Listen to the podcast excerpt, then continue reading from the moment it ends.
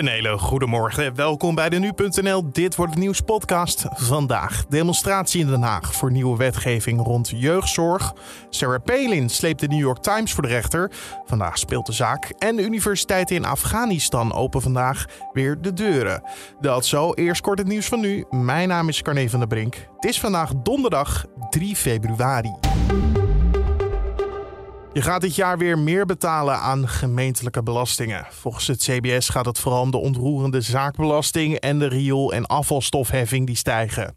In totaal verwacht de gemeente dit jaar 11,5 miljard euro op te halen. En dat is 180 miljoen euro meer dan vorig jaar. De Gezondheidsraad brengt vrijdag een advies uit over het boosteren van jongeren van 12 tot en met 17 jaar. Zij kunnen al de eerste en tweede dosis halen. Ondertussen hebben ongeveer 800 Ondertussen hebben ongeveer 8,4 miljoen volwassenen de booster al gehaald.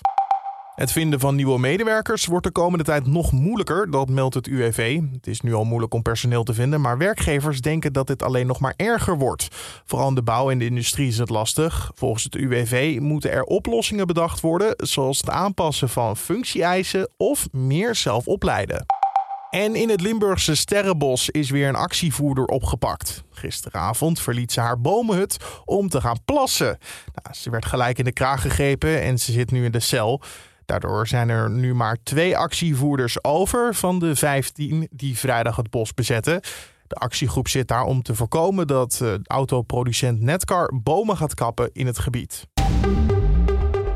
Dan over naar de agenda. Een demonstratie vandaag in Den Haag. Stichting Het Vergeten Kind voert haar actie om bij de landelijke politiek veranderingen af te dwingen voor de jeugdzorg. Ze willen dat het onmogelijk wordt voor rechters om kinderen in de gesloten jeugdzorg te plaatsen. Sarah Palin, de republikeinse kandidaat voor het vicepresidentschap eh, in 2008, heeft de New York Times aangeklaagd voor laster. Dat gebeurde in 2017 en nu, meer dan vier jaar later, begint het proces.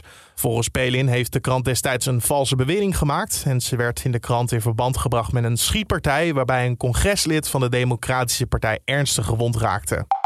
En de openbare universiteiten in Afghanistan openen vandaag weer de deuren. De unies waren gesloten sinds de Taliban vorig jaar zomer de macht overnamen in het land. De waarnemend minister van Hoger Onderwijs kondigde de heropening afgelopen weekend aan. Hij heeft toen niet duidelijk gemaakt of vrouwelijke studenten ook terug mogen komen. Tot zover de agenda. Dan het weer van Weerplaza. Vandaag is het overwegend bewolkt en af en toe kan uit de bewolking wat lichte regen of motregen vallen. Er waait een matige tot vrij krachtige wind uit het zuidwesten en die voert vrij milde lucht aan en de temperatuur schommelt overdag rond 8 graden. In het westen van het land kan in de middag mogelijk nog even de zon doorbreken, maar daar kan ook een enkele bui van de Noordzee overtrekken. En tot zover deze Dit wordt het nieuws podcast voor de donderdag 3 februari. Tips, feedback zijn altijd welkom. Tips en feedback zijn altijd welkom. Kan je natuurlijk achterlaten bij Apple Podcast als recensie. Of je kan ons een mailtje sturen naar podcast.nu.nl. Mijn naam is Carne van der Brink. Een hele mooie dag en tot de volgende.